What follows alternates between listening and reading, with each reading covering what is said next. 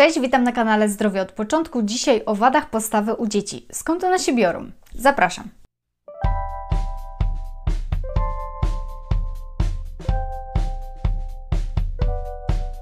Wady postawy bardzo często występują u dzieciaków, u coraz młodszych. Teraz, w obecnych czasach, jest na pewno to związane z tym, że dzieci mają bardzo mało aktywności fizycznej. Ja jak byłam mała, to w zasadzie cały dzień nie było mnie w domu. Yy, poszłam dopiero do zerówki, więc miałam dużo tego czasu wolnego i cały czas spędzałam na świeżym powietrzu. Miałam bardzo dużo ruchu, dlatego w podstawówce już w pierwszej klasie w zasadzie chodziłam sama do szkoły. No, co prawda to było na tej samej ulicy yy, i niedaleko, więc mogłam sobie chodzić. I czas po szkole był wykorzystywany na to, żeby wspinać się po drzewach, skakać ze śmietników, chodzić po dachach, po piwnicach, biegać po podwórku, bawić się w różne gry yy, takie podwórkowe. Po prostu tej aktywności było bardzo dużo. I dzięki temu, że rodzice dawali mi bardzo dużo wolności, e, nie inspirowali mnie sportem, tylko po prostu akurat, nie wiem, miałam takie predyspozycje, że w tym sporcie byłam. E, cały czas byłam na tym podwórku, więc tej zabawy z dziećmi było bardzo dużo.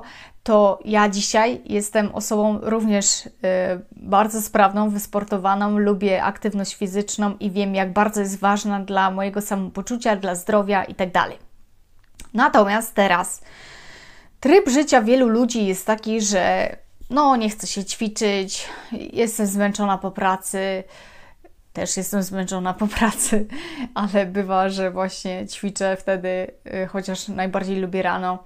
Jeśli para, która stara się o dziecko, jest nieaktywna fizyczna, ich tryb życia wygląda tak, że idą do pracy, po pracy y, coś tam zjedzą, y, potem Netflix albo coś tam, gorzej jak telewizja, szczególnie teraz.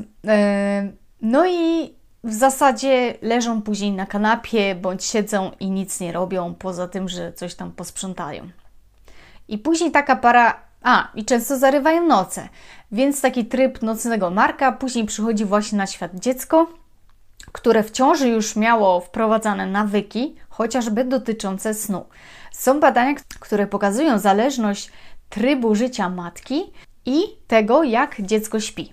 Dlatego, jak matka zarywa noce, to bardzo duże prawdopodobieństwo jest, że dziecko w nocy też nie będzie chciało spać. Więc ważna jest higiena snu i dobre yy, nawyki. Czyli na przykład idziesz spać o 22, wstajesz o 6 rano. To jest idealnie zgodnie z takim rytmem dobowym. Natomiast wracając do tematu, bo dalej tu jest filmik o wadach podstawy, no to dziecko, które się rozwija, które zaczyna chodzić, no to na przykład co chwila jest uważaj, nie idź tu, nie idź to, nie biegaj, bo się spocisz, bo tu niebezpiecznie. Po prostu rodzice widzą w, środowisku wszelkie możliwe sytuacje, gdzie dziecko może zginąć. Yy, przez to jest bardzo ograniczane, nie może się przy tym pobrudzić i tak dalej, więc tego ruchu na świeżym powietrzu dziecko ma bardzo mało. Jeśli pójdzie do przedszkola wcześniej, no to chociaż tutaj sobie pośmiga na zewnątrz, bo bardzo często jest tak, że rodzice z dzieckiem wracają, po drodze zrobią zakupy, yy, wracają do domu, no i zostają w tym domu. Dziecko powinno mieć minimum dwie godziny aktywności na świeżym powietrzu dziennie. Wiem, że to ciężko zrobić, ale kwestia chęci, bo naprawdę, jeśli sami teraz macie problem z tym, żeby się ruszać, to po prostu można to robić tak, że wychodzicie na 10 minut.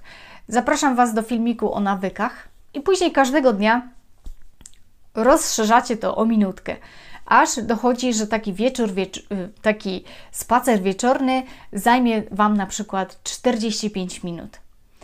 I to jest 45 minut, które Wam zabiera z czasu, który spędzicie na kanapie, przed telewizorem, z czasu, który będzie taki bierny, który nic nie będzie Wam wnosił, a spacer po pierwsze będziecie razem, więc y, będą więzi, po drugie dziecko będzie miało jakąś aktywność fizyczną, dotleni się.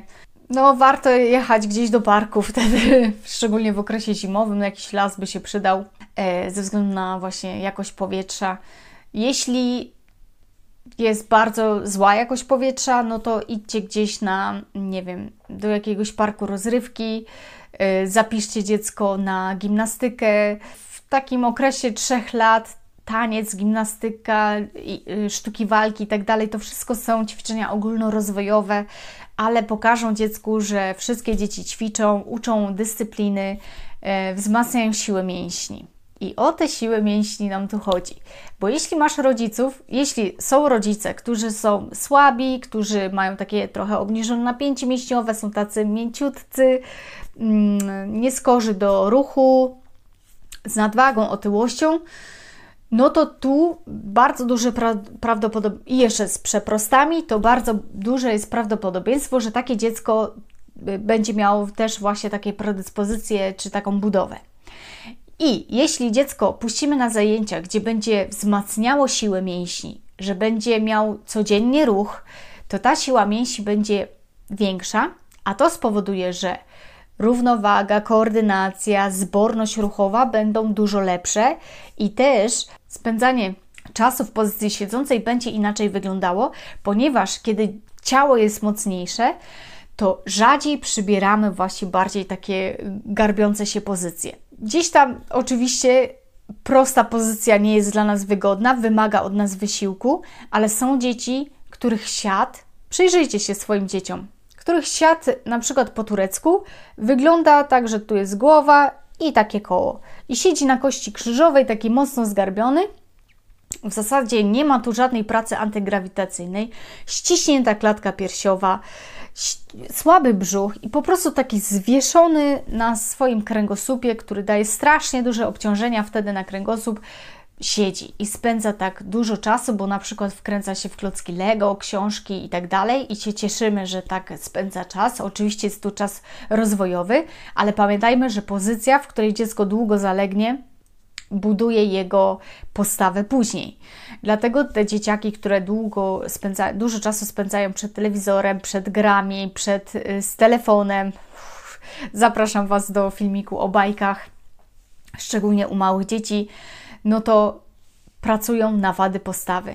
Jeśli ty masz skoliozę, jest, jesteś rodzicem, to też jest większe prawdopodobieństwo, że to dziecko będzie miało skoliozę. Dlatego ważne jest wychwytywanie, że dziecko siedzi asymetrycznie w jednej pozycji, że podkłada nogę pod pośladek, że nosiliśmy w chuście i bardziej podwiązywaliśmy jedną stronę, przez co miednica już była asymetryczna że nosiliśmy tylko na jednym boku maluszka. Sposób zapinania pampersa też, że z jednej strony zaciągaliśmy mocniej. Sposób noszenia ciągle na jednej stronie. Także już na wady postawy pracujemy nie tylko poprzez naszą kondycję, ale właśnie już jak, jak dziecko jest bardzo mało, to te rzeczy mają duże znaczenie.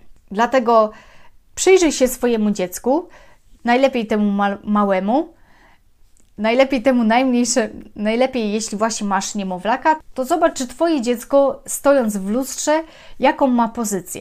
U maluszków staramy się, żeby te pozycje podczas noszenia, podnoszenia, podczas noszenia, siedzenia z dzieckiem i tak były symetryczne. Symetria buduje dobrą postawę. Natomiast jeśli masz dziecko starsze, i widzisz, że podkłada nogę pod pośladek, że siedzi z skracając jedną stronę stale, to znajdź takie rozwiązanie, żeby uzyskać u dziecka prawidłową pozycję. Jeśli na podłodze wygląda po prostu dramatycznie i bardzo krzywo siedzi, no to daj mu stolik z niskim krzesełkiem, tak żeby kolana były pod kątem prostym, y, żeby łokcie mógł oprzeć też swobodnie o stół. I wtedy zobaczysz, że miednica już jest w lepszym położeniu i wtedy ta postawa już jest lepsza.